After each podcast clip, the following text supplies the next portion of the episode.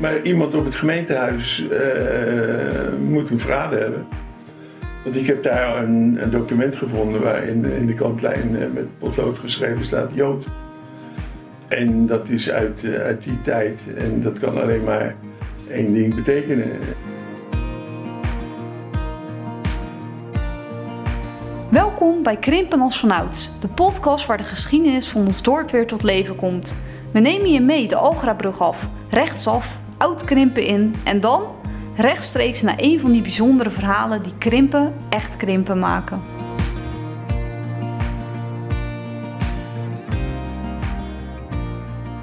Nou, daar zitten we dan, uh, Silvan. Onze eerste podcast. Het is officieel een feit. Precies. Het heeft even geduurd, maar hier is hij dan. Krimpen als van ouds. Ja. Heb je er zin in? Zeker. Ik heb er echt naar uitgekeken en ik, uh, ja, ik ben er klaar voor om uh, wat mooie uitzendingen neer te gaan zetten met jou. Leuk. Ik vind het wel spannend, maar ik heb ook erg veel zin in. Zullen ja. wij onszelf eens uh, gaan introduceren voor de luisteraars thuis? Ja. Frank, wie ben je? Ik ben Frank Druijf, ben 40 jaar en bestuurslid bij de Historische Kring. Redactielid voor het tijdschrift wat we maken. En dagelijks leven ook altijd nog veel met geschiedenis bezig. Dus dat heeft er ook aan bijgedragen dat je deze podcast bent uh, begonnen. Precies, ja, en dat samen met jou, want uh, ik denk, uh, Silvan die studeert journalistiek. Ja. Dat kunnen we er goed bij hebben. Hoef je niet alleen te doen. Nee, dat is ook een geruststelling. Ja, fijn is dat. Ja, zeker. Om tegenaan te praten. Ja, nou, nu heb je al wat verklapt over wie ik ben, maar dat is helemaal niet erg. Ik ben dus Sil van Bruinstroop, 25 jaar oud. Ik kom inderdaad uit Krimpen aan de IJssel. Geboren en getogen. En in het dagelijks leven hou ik me bezig met journalistiek. Ik ben in opleiding, uh, ik studeer aan de Christelijke Hogeschool Ede. Ik zit daar in het derde jaar van mijn opleiding en uh, loop momenteel stage bij het Algemeen Dagblad Rotterdam. Waar ik mij elke dag nog bezighouden met het portretteren van mensen. Nou, dat is eigenlijk wat wij ook gaan doen hè, in deze podcast. En wat dat betreft sluit dat heel mooi op elkaar aan en uh, kijk ernaar uit om iets moois neer te gaan zetten. hey, waar gaan we het vandaag over hebben? Vandaag is het onderwerp dat centraal staat. Ja, vandaag hebben we een bijzonder onderwerp, ons eerste onderwerp. Ook een gevoelig onderwerp. Het gaat over de uh, Joodse krimpenaren die slachtoffer zijn geworden van het naziregime. Dus eigenlijk weggevoerd zijn en omgekomen in concentratiekampen. Dat heeft ermee te maken dat afgelopen november burgemeester Vroom zes struikelstenen heeft gelegd bij huizen waar destijds Joden woonden en die weggevoerd zijn. En die struikelstenen die doen ons stilstaan, herinneren aan, aan die geschiedenis, aan die gebeurtenis. Hm. En dat ja, gebeurt door heel Europa. Er zijn duizenden en duizenden stenen, struikelstenen gelegd. En nu ook zes in Krimpen. Bij een van die struikelstenen willen we vandaag stilstaan. Dat is bij meneer Engelse. Die woont aan de IJsserdijk 338. Daar hebben we ook de nodige mensen voor uh, benaderd. Ja, ik uh, spreek deze aflevering met Ben van Veen. Ben van Veen is oud-wethouder uh, hier in Krimpen. Heeft zich, nou, meen sinds 1993 al echt verdiept in de geschiedenis van de oorlogsslachtoffers van ons dorp. Dus ik ben naar Den Haag gegaan en heb hem uh, gesproken over uh, de biografie en het leven van de heer Engelse gebracht. Ja. Ik ben erg benieuwd naar wat hij uh, heeft gedeeld. Ja, zo en, ben ik erg benieuwd waar, waar jij... ja, want hij is niet de enige inderdaad. we hebben ook gesproken met de huidige bewoonster van de woning waar de heer Engels heeft gewoond. Dat is mevrouw Jeanette Efraim. En dat niet alleen. We hebben ook nog contact weten te leggen met enkele familieleden van de heer Engelse. Een kleindochter, mevrouw Hilga Schuurbiers. En uh, ook zij uh, heeft uh, haar ervaringen gedeeld. Laten we daar naartoe gaan. Eerste persoon dus, meneer Ben van Veen. Geschiedenis is, is eigenlijk mijn grote hobby. En naarmate ik ouder word, neemt de Tweede Wereldoorlog een steeds grotere beslag in mijn, in mijn denken. En dus ja, het ligt voor de hand dat als je iedere dag langs een bord in het gemeentehuis komt waar de oorlogsslachtoffers van Krimpen op staan vermeld, dat je je daar ook eens in verdiept. Want we zitten vandaag specifiek voor meneer Engelse. En u heeft zich nou, ook met name hem uh, al jarenlang ook wel bezig gehouden met zijn uh, leven. Ja. Kunt u meer vertellen over uh, meneer Engels? Ja. Um, ik werd eigenlijk op het spoor gezet door een oud collega Willem Hoogendijk op het spoor van meneer Engelse. Want ik vroeg me af hoe het kon zijn dat uh, iemand die niet als Jood geregistreerd stond en zich ook niet als zodanig weet dat, manifesteerde, hoe, die uiteindelijk dan toch omgekomen is. Meneer Engelse die Die werd opgepakt om niet helemaal duidelijke redenen. En hij werd voor het landesgericht uh, veroordeeld. Dat was een soort kantongerecht. Dat wel mensen zonder uh, verdere processen laten opsluiten. En dat is met meneer Engelse ook gebeurd. Hij is wel veroordeeld. Het vonnis is niet meer te vinden. Ik heb bij het geprobeerd dat nog te achterhalen, maar dat, dat, is, dat is niet meer. Hij is veroordeeld tot drie maanden tuchthuisstraf. en het bleek dat hij na die tuchthuisstraf die hij in, in verschillende tuchthuizen in Duitsland, uh, in Kleef en dacht ik en in Bochum gezeten heeft, is hij uh, overgebracht naar, naar Mauthausen, een beruchte kamp. En dat heeft, niet, dat heeft hij niet overleefd. Dus in plaats van de terugkomst van meneer Engelsen kreeg mevrouw uh, Engels het bericht dat, hij, dat hem anders overleden. Wat ik goed begrepen is hij dus destijds ook verraden, want hij heeft zich niet kenbaar gemaakt als, als Jood, maar wel uh, opgepakt. Ja, uh, hij heeft zich niet gemeld, zoals dat toen heette. Toen de Duitsers verordening uitgaven waarin mensen van Joodse afkomst met minstens twee grote, Joodse grootouders zich moesten melden. Dat heeft hij niet gedaan. maar hij leefde ook helemaal niet. Het was, het was voor hem ook niet iets, denk ik, wat hij noodzakelijk vond. Hij leefde helemaal niet in die, in die sfeer. Maar iemand op het gemeentehuis uh, moet een verraden hebben. Want ik heb daar een, document gevonden waarin in de kantlijn uh, met potlood geschreven staat Jood.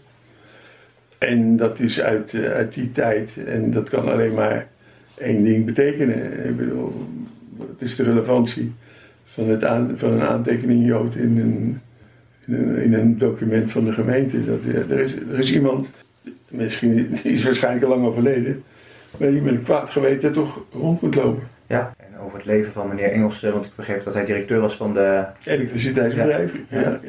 Dat was een van de, van de, de houten van het dorp in die tijd. En iedereen kende hem. En ik, ik, heb ook levendige beschrijvingen van hem gehoord van mensen die hem gekend hebben. Hij liep bij de Oranje Vereniging altijd keurig in het pak uh, voorop. Het, het, was echt een, uh, een markante figuur. En, en, en, die een belangrijke rol in Krimpen gespeeld heeft. Hij heel actief was. Lid van de Oranje Vereniging, bestuurslid van de Oranje Vereniging. Ik geloof zelfs voorzitter, zelfs voorzitter is geweest. Actief in het onderwijs. Dus was echt iemand, uh, een belangrijk, een belangrijk ja persoon. Ik kan me voorstellen dat daar dan ook best wel wat over terug te vinden is. Is dat geldt ook voor de andere slachtoffers die ook, waar ook in gedoken? Ja, in de loop van het jaar heb ik van een heleboel uh, slachtoffers gegevens gevonden. Een heleboel van die mensen zijn echt voor me gaan leven, moet ik, uh, ja. moet ik zeggen. Ook mensen die wat minder bekend zijn. iedereen kent toch, nou, de oudere generatie kent meneer Engelsen door zijn functie. Maar ook de andere mensen die zijn omgekomen, hebben allemaal hun eigen geschiedenis. En, eh, het is allemaal, ze zijn allemaal de moeite waard om in herinnering te blijven. En, en hun verhalen moeten ook niet vergeten worden. In algemene zin, de, de struikelstenen, hoe kijkt u daarna? Ik vind het heel, heel goed. Een, een mooi initiatief, ook als je weet waar het uit ontstaan is. Hè. Het is in Duitsland ontstaan, een Duitse kunstenaar die heeft uh, dat, uh, dat idee gekregen. En die, in principe legt hij ze nog steeds allemaal zelf. Nu met de corona was dat jammer genoeg niet. Uh, Daar de burgemeester natuurlijk. Ja. De burgemeester ja. heeft het nu gedaan. En dat het uit Duitsland komt vind ik helemaal goed. En het gaat erom dat je, dat je bij wijze van spreken struikelt over die steen. En even een moment nadenkt over wat daar op die plek gebeurd is. Terwijl Frank weer onderweg is naar huis vanuit Den Haag, staat Silvan op de stoep bij mevrouw Efraim aan de IJsseldijk. Uh, we hebben het in 2007 gekocht en toen hebben we een jaar lang verbouwd zonder er te wonen. En toen zijn we in twee, eind 2008 zijn we gewoon maar verhuisd. Want het, ja, dat zag er naar uit dat het nog jaren ging duren. Dus toen hebben we een aantal jaren een beetje in het huis gekampeerd. Van de ene kamer naar de andere. En dan was de keuken weer boven en dan was de keuken weer beneden. En, Geïmproviseerd bestaan dus. Ja, precies. En dat heeft zo'n jaar of zes, zeven geduurd of zo. En op een gegeven moment, nou, dan zijn je belangrijkste dingen klaar. De keuken en de badkamer en je slaapkamer. En de rest komt allemaal wel. En hoe, hoe bent u eigenlijk hier in Krimp aan de IJssel terechtgekomen? Hoe wist u dat dit huis te koop stond? Ja, uh, funda. ja, heel klassiek. Maar ja, ik wist eigenlijk niks van krimpen. Ik had hier ooit wel gewandeld. Ik wist wel een beetje de wandelpaden. En in, in de, ja, de krimpende waard, de, de mooie plekjes wist ik wel te vinden. Want ik Ja. ging nog wel eens de stad uit en eh, wandelen. Maar verder nooit speciaal op gelet of zo. Dus eigenlijk door het huis ben ik hier terechtgekomen. En dus het was in het begin ook echt van, nou, we zijn er. Waar zijn we eigenlijk? Ja, ik kan me voorstellen dat het een grote eh, overstap is hè, vanuit. Rotterdam naar een dorp als Krimpen aan de IJssel. U woont best in een historisch huis, kunnen we wel zeggen. Absoluut. Want Ja. hier heeft de heer Engelsen gewoond. Eh, Ja. wist u iets van de geschiedenis van de heer Engelsen voordat u, en van dit huis voordat u hier kwam te wonen? Eh, nou, ik ben wel toen het huis te koop stond en toen ben ik me er wel helemaal in gaan verdiepen. Toen heb ik ook al heel veel gelezen over de historie van, eh, van het Duivendijkterrein en zo. En eh, eh, ja, aldoende en ook met de verbouwing. Je komt zoveel tegen als je door al die lagen heen gaat, als je het af gaat pellen, zeg maar. Dat was wel heel bijzonder, vond ik hoor. Dus ik had wel echt, ja, dat voelde heel erg zo als je, toen ik hier kwam wonen. Die historie van het huis inderdaad. En ik weet nog wel dat, dat die, die eerste week, toen had mijn man die had, toen, had het heel druk met zijn werk. Dus toen ben ik heel veel alleen geweest. En ben ik zelf vast vloerbedekking uit gaan trekken en zo. En eh, ja, dan ging ik echt af en toe zo mee even midden in dat huis zitten en het zo op je in laten werken. Dat ik dacht, dan voel je zo'n historie dat ik echt dacht van... Hoe ga ik dit mijn huis laten worden? Ja, dat precies. Dan, dat- Ja, ja, dat, ja. dat moet het, ik moet, ik heb het echt een beetje moeten veroveren, zeg maar. En is het inmiddels echt nu uw huis geworden? En dat samen van uw man? Ja. Ja, en het is ook vooral denk ik door zo'n verbouwing natuurlijk. Dat, je gaat zoveel fases door en, en ja, je verandert het op een gegeven moment natuurlijk eh, op zo'n manier dat het voor jou goed is. Maar we hebben ook wel bewust naar eh, ja, historische dingen gekeken wat we konden bewaren. Dus het- was zo oud en er zat zo'n oude bedrading in. Het moest allemaal vervangen worden. Er moesten ook gewoon eh, bijvoorbeeld lambriseringen of zo beneden. Dat, dat moest gewoon weg. Want het, ja, het zo heel bijzonder was het ook weer niet. Want het bleken toch ook weer plaatjes uit de jaren 60 te zijn of zo. En ja, maar dat was leuk eraan. Je kon heel veel, ja, als je het huis ging afpellen, je kwam allerlei Van verschillende tegen. tijden tegen. Ook. Ja. Weet je, de, er zat geen trap tussen het boven- en het benedenhuis, bijvoorbeeld. Maar ja, toen, gingen we, de- ja, toen ging het allemaal open. En dan zag je toch dat daar aan een balk, dat daar vroeger wel een trap heeft gezeten en zo. Dus ja, dan ga je puzzelen, hoe zat dat dan? En, eh, en ik wist natuurlijk ook dat het van, van het eh, elektriciteitsbedrijf was geweest. Dat vonden we ook overal dingen van terug. Maar en we, er zit hier nog ergens eh, een deur in huis waar nog steeds meneer Van der Sloot op staat. Dat was En- voor even de duidelijkheid de vorige bewoner Dat van was huis. de, de, meneer Van der Sloot was de directeur van het elektriciteitsbedrijf, voor zover ik weet. Maar die was dan waarschijnlijk na meneer Engelsen. Want van meneer Engelsen had ik dus nooit gehoord. Dat Nee, nee, precies. Hoe, hoe bent u voor het eerst dan eh, te weten gekomen over de geschiedenis van meneer Engelsen? Nou, een, een, eh, een mailtje van de gemeente eigenlijk, of een brief van de gemeente. Ja, Ja, en heeft de gemeente toen ook kenbaar gemaakt dat er een dergelijk steentje geplaatst zou worden bij uw woning? Ja, ja het was ook, ook, ook een vraag van, van of ik daar mee- over mee wou denken. En ehm, ja, normaal wordt zo'n steentje in de openbare weg geplaatst. Maar dat kon hier niet, omdat het een beetje krap is aan de dijk. Dus toen is ook de burgemeester met eh, ja, twee dames, die zijn mee geweest. En we hebben het hier voor de deur bekeken van waar moet je dat nou doen? Dus ik zei, nou ja, voor mij mag het gewoon in, in, voor de deur, weet je. Dat, eh, ik zorg er wel voor. En ja, als zij vond u ooit ervan dat u- dan moet ik het overdragen aan de Ja. volgende bewoner. Wat vond u ervan dat u met een dergelijke vraag eh, werd benaderd en wat was uw reactie daarop?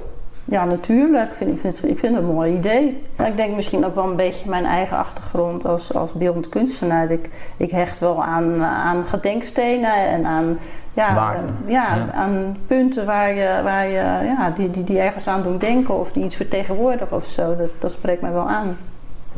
Want het steentje is natuurlijk ehm, eind 2020 20, is die ja. geplaatst, hè? Ja. En, en merkt u dat u eh, aandacht krijgt van, van mensen nu dat eh, steentje er ligt? Ik bedoel, zijn er mensen die, die voorbij komen rijden om even een blik naar dat steentje te werpen? Eh, ja, in het begin wel, want toen was er ook een wandeling. Of een wandeling, maar het stond wel allemaal in de krant toen ook. En alle adressen werden genoemd. Dus er waren ja, ook misschien vanwege coronatijd veel mensen die, die er een wandeling van maakten van de ene naar de andere. Ehm, het feit hè, dat, dat de gemeente vertelde over de- het verleden van dit huis. hè, Mhm. en eh, dat de heer Engels hier gewoond heeft. En nou ja, op afschuwelijke wijze natuurlijk om het Ja. leven is gekomen in Mauthausen. Was dat voor u ook een reden om zich extra te verdiepen in de geschiedenis van dit huis? Nou, het gaf het wel weer. Het had al veel lagen, maar er was wel weer een hele grote laag erbij, inderdaad, dit, Ja. eh, dit verhaal. Want net En hadden we het er natuurlijk over van hoe maak ik dit mijn eigen huis. Hè? Maar Ja. ik kan me zo voorstellen als je dan ook nog eens hoort en weet dat hier iemand heeft gewoond die nou, in een eh, concentratiekamp Mhm. vervolgens om het leven is gekomen. Ja. Hoe voelt het om dan in zo'n woning te wonen? Ja, je gaat het een beetje bij, je, gaat je proberen het allemaal voor te stellen. Dus het wordt wel, het komt heel dichtbij. Je. Het zijn natuurlijk altijd heel veel verhalen. En nou ja, ik bedoel, er zijn heel veel oorlogsverhalen. Het ene verhaal komt dichter bij het andere verhaal. Maar ja, het gaat wel heel erg leven daardoor. En ik had bijvoorbeeld, ja, de voordeur, dat is nog altijd dezelfde voordeur. Hij staat ook op een hele oude foto. Dus ja, dat soort dingen, daar ben je dan ineens heel bewust van. Hé, hey, die voordeur helemaal staan afkrabben en staan verven. En ik ga er elke dag doorheen. Maar die, die, die man, dat is de laatste, laatste moment van, van zijn leven hier geweest. Dat hij door deze deur is weggegaan. Dus Heel bijzonder als je dat natuurlijk beseft. ja, dat vind Ja. ik wel bijzonder. En bijvoorbeeld, ja, je kan het toilet kan je straks wel even zien, maar dat is ook nog heel oud met van die oude tegeltjes en. Uit die tijd nog ook. Zo'n fonteintje, dat is, dan zit je daar ook ineens anders op het toilet. Weet je, dus allemaal van die kleine gekke dingen. Maar Ja. Nou, inmiddels eh, bij ons aangeschoven is mevrouw Hilga Schuurbiers, de kleindochter van de heer Engelsen. Van harte welkom. U bent hier nu voor het eerst in deze woning, begreep ik? Voor het eerst binnen. Ja. Ja, wel een paar keer buiten geweest. Maar, en dat, eh, ik ben uitgenodigd hoor. Maar het kwam, dat kwam gewoon niet zo voor mij ook niet zo goed uit. En we hadden al met elkaar afgesproken dat, we, dat ik toch eens een keer gewoon Een goed langs zou komen, Ja. toch? ja. Ja, precies. Ja, nou, is ja. deze gelegenheid Ja, eigenlijk perfect zeker. voor. Nou, dan neem ik aan dat u het steentje al eh, gezien heeft. Eh, u zegt, ik ben hier al eh, wat keren voorbij gelopen. Ik ben hier voorbij gelopen en ik ben hier ook met mijn nichtje geweest. Dochter van mijn zus, die ook heel graag wilde kijken. Ja, want Ja. Wat, wat voor reactie riep het bij u op toen u eh, het, het Nou, steentje zag ik, ik liggen? ben er wel een beetje emotioneel over. Ik weet dat mijn vader, mijn vader zijn hele leven hier he- heeft dit gespeeld natuurlijk. Ik krijg er zelf nog bijna tranen van in mijn ogen. Maar wij weten gewoon dat mijn vader is. Voor mijn vader was dit echt, is dit echt heel vreselijk geweest. Ja, Ja, ja. ja. Want, want wordt er ook, of werd er veel ook in de familie ook over Nee, gesproken? nee, over want-? Net over de oorlog werd heel weinig gesproken. Dat, Het was te pijnlijk. ik denk dat het voor mijn vader te pijnlijk was, ja. Ja. ja. En dan nou ja, wordt er nu dan weer hernieuwde aandacht aangegeven natuurlijk. Ook door het steentje dat geplaatst is. Ja, zeker. En mijn vader, dat, die zou dat eh, ook heel erg fijn gevonden hebben. Ja, ja, dus Ja. ergens voelt het ook wel, nou ja, wel, wel fijn dat er nu dan Ja, waardering is Ja, gegeven aan, aan uw opa. ja. Want eh, de heer Engelsen, die, ja, die, die woonde hier natuurlijk. En het huis is daarna bij iemand anders terechtgekomen. Ja, maar dat weet ik niet. Ik heb alleen aan mijn neef heb ik gevraagd hoe lang hebben ze hier nog gewoond daarna. Maar dat, hij zegt ja, toch nog misschien wel een jaar. Ja, en dit was ook een eh, bedrijfswoning. Mijn, mijn opa was natuurlijk directeur van het eh, GB. En daar, moest hij daar moesten ze, mijn oma natuurlijk uit. Trouwens was het natuurlijk alleen. En, eh, of alleen naar met de kinderen. Nee, toen moesten ze eruit. Want, we- want waar is uw oma toen vervolgens Die terechtgekomen? is naar de Koningin Juliana eh, straat gegaan. Die witte vletjes daar. Ah, wel dus in het dorp gebleven. Ja, ja. en Ja. Dat kan ik me, daar kan ik me heel veel van herinneren. Dat we daar als kind... En haar dochter woonde dan aan de overkant. Dus daar hebben zij gewoond. Ja. Welke herinneringen heeft u aan uw opa? Uit de verhalen die over hem... Nou ja, mijn, ik heb alleen, eh, ik, wat ik dan voornamelijk van Cor heb, is dan, mijn neef, is dat het een, en ook wel van mijn moeder, die, die praten, zeker de laatste paar jaar, daar, hebben we, daar heb ik het er meer over gehad, dat het een, ja, dat het een zeer amabele man was. En ook een vooruitstrevende man, want ik heb begrepen dat hij bijvoorbeeld als een van de eerste een Harley Davidson had. Nou, dat vind ik voor, een, voor die tijd heel bijzonder. Ja, zeker vooruitstrevend. Ja, en Cor, eh, die, uit, die woont dan in Dordrecht, die zei van, ik weet nog zo goed, die was ook zeven natuurlijk toen die overleed, maar Cor zegt, hij had ook zo'n grote auto, nou dat was van voor de oorlog natuurlijk ook al bijzonder. Hij zegt, dan kwam hij in Dordrecht aanrijden bij het station naar ons en dan konden met z'n zes of zeven in die auto, nou dat, zegt, dat, dat, dat vergeet ik nooit. Nou, nu zijn we hier eh, met u in de, in de woning waar eh, mevrouw Ephraim nu, eh, nu woont. Nu zit hier eh, Aan een prachtige tafel. Nou, dit was volgens mijn moeder dus altijd de, dit werd de koepelkamer genoemd. De kamer waarin we ons nu momenteel bevinden. Ja. Ja, en dan had mijn, ook Cor zei, er was dan nog een hoofdkamer. En daar hing altijd een schilderij van koningin Wilhelmina met een oranje strik. Hij zegt, dat kan ik me heel goed herinneren. Nou ja, en beneden schijnt dan de bestuurskamer geweest te zijn. En boven, zei hij, was er altijd mooi speelgoed op zolder om mee te spelen. Dat vond ik dan ook wel weer, dus dat, dat herinnert hij zich natuurlijk. Maar ja, dat weet ik allemaal niet. En, en zometeen denk ik dat u nog een eh, rondleiding door het, eh, het huis krijgt. Ja, Om even te kijken. ja. Ja. Ja, nou, ik had altijd ge- wel gehoopt dat ik denk van ja. en- ik had het ook altijd wel het voornemen van ik ga een keer bellen, weet je wel. Wat ook eh, heel leuk is, eh, mevrouw Efraim heeft eh, ja, iets speciaals denk ik voor eh, mevrouw Schuurbiers. Uit, eh, de tijd dat eh, de heer Engels hier eh, gewoond heeft. Wat heeft u hier op tafel liggen? Ja, ik zal het even erbij pakken. Eh, toen wij hier het huis eh, gingen verbouwen, eh, hebben we het helemaal tot op de muren gestript. Want ja, dat was echt nodig. Maar toen kwamen we dus van alles tegen. En nou, die blauwe box daar, daar zit. We hebben van alles een klein dingetje bewaard. In het begin hadden we heel veel, maar ehm, ja, we hebben het een beetje uitgedund. Ja. In ieder geval, eh, we hebben van elke type elektriciteitsdraad bijvoorbeeld die we tegenkwamen, telefoon, van alles een klein klosje overgehouden. Een paar hele oude handvaten, allemaal van, en van die hele oude gesmeden spijkers, dat zit allemaal in die doos. Maar wat wij ook gevonden hebben, dat was in de keuken beneden. Daar moest de vloer eruit. En toen hebben we een soort heel gek keldertje ontdekt daar. Een lege ruimte was dat, holle ruimte. Daar kan ik straks foto's van laten zien. Maar die bleek dus helemaal vol te liggen met oude elektriciteitsmeters. En waarschijnlijk op het moment dat het huis weer over is gegaan naar Duivendijk... Hebben ze, zijn ze van alles tegengekomen. En er was natuurlijk een werkplaats. Hebben ze al die oude meters in die put gegooid. En eh, nou, dat allemaal oude roestige troep was het. Maar wat vond ik daar ook tussen? Je hebt het al gezien geloof ik, maar dit. En dit is een soort groot hoekijzer als een soort steunbeer. Ja, En dat moet ergens aan het huis gezeten hebben. ja. En het is een handje, een vuistje, wat eh, een bliksemschicht Oh ja, ik zie het, ik zie het. En dan denk ik, nou, dit moet uit de tijd zijn dat het, dat het, het eerste, voor het eerst elektriciteitsbedrijf was. Oh, dat zou, ja. En dan dacht ik, ja, weet je, het zit hier in een kist. En ik heb er al vaak naar gekeken. Ik heb wel eens gedacht om naar het eh, streekmuseum te brengen. Maar ik denk, ja, het, het hoort natuurlijk eigenlijk bij dit huis. En toen dacht ik van, ach, het blijft gewoon bij dit huis. En, eh, maar ik denk, ja, een volgende bewoner heeft er misschien helemaal niks mee. Maar naar aanleiding van dit verhaal denk ik, nou, ik moet het gewoon aan jouw familie Oh, wat vind ik dat, wat vind ik dat, Dat vind ik leuk. het leukste eigenlijk. Ontzettend leuk, want het is inderdaad wat je zegt, het eerste stuk van, ja, dat moet elektriciteit zijn. Ja, Ja, en het was natuurlijk ook bijzonder, want mijn oma, die heeft hier ook ehm, kooklessen gegeven op Oh, elektrische fornuizen. Want eh, dat was natuurlijk ook het begin van de elektrische fornuizen. En ehm, heel veel mensen, eh, ja, en no- nog zijn er natuurlijk mensen die helemaal niet op elektrisch koken of willen koken. Maar eh, van mijn, mijn moeder, mijn, mijn tante, dus alle hebben al, voor de, hun huwelijk allemaal een elektrisch fornuis gekregen.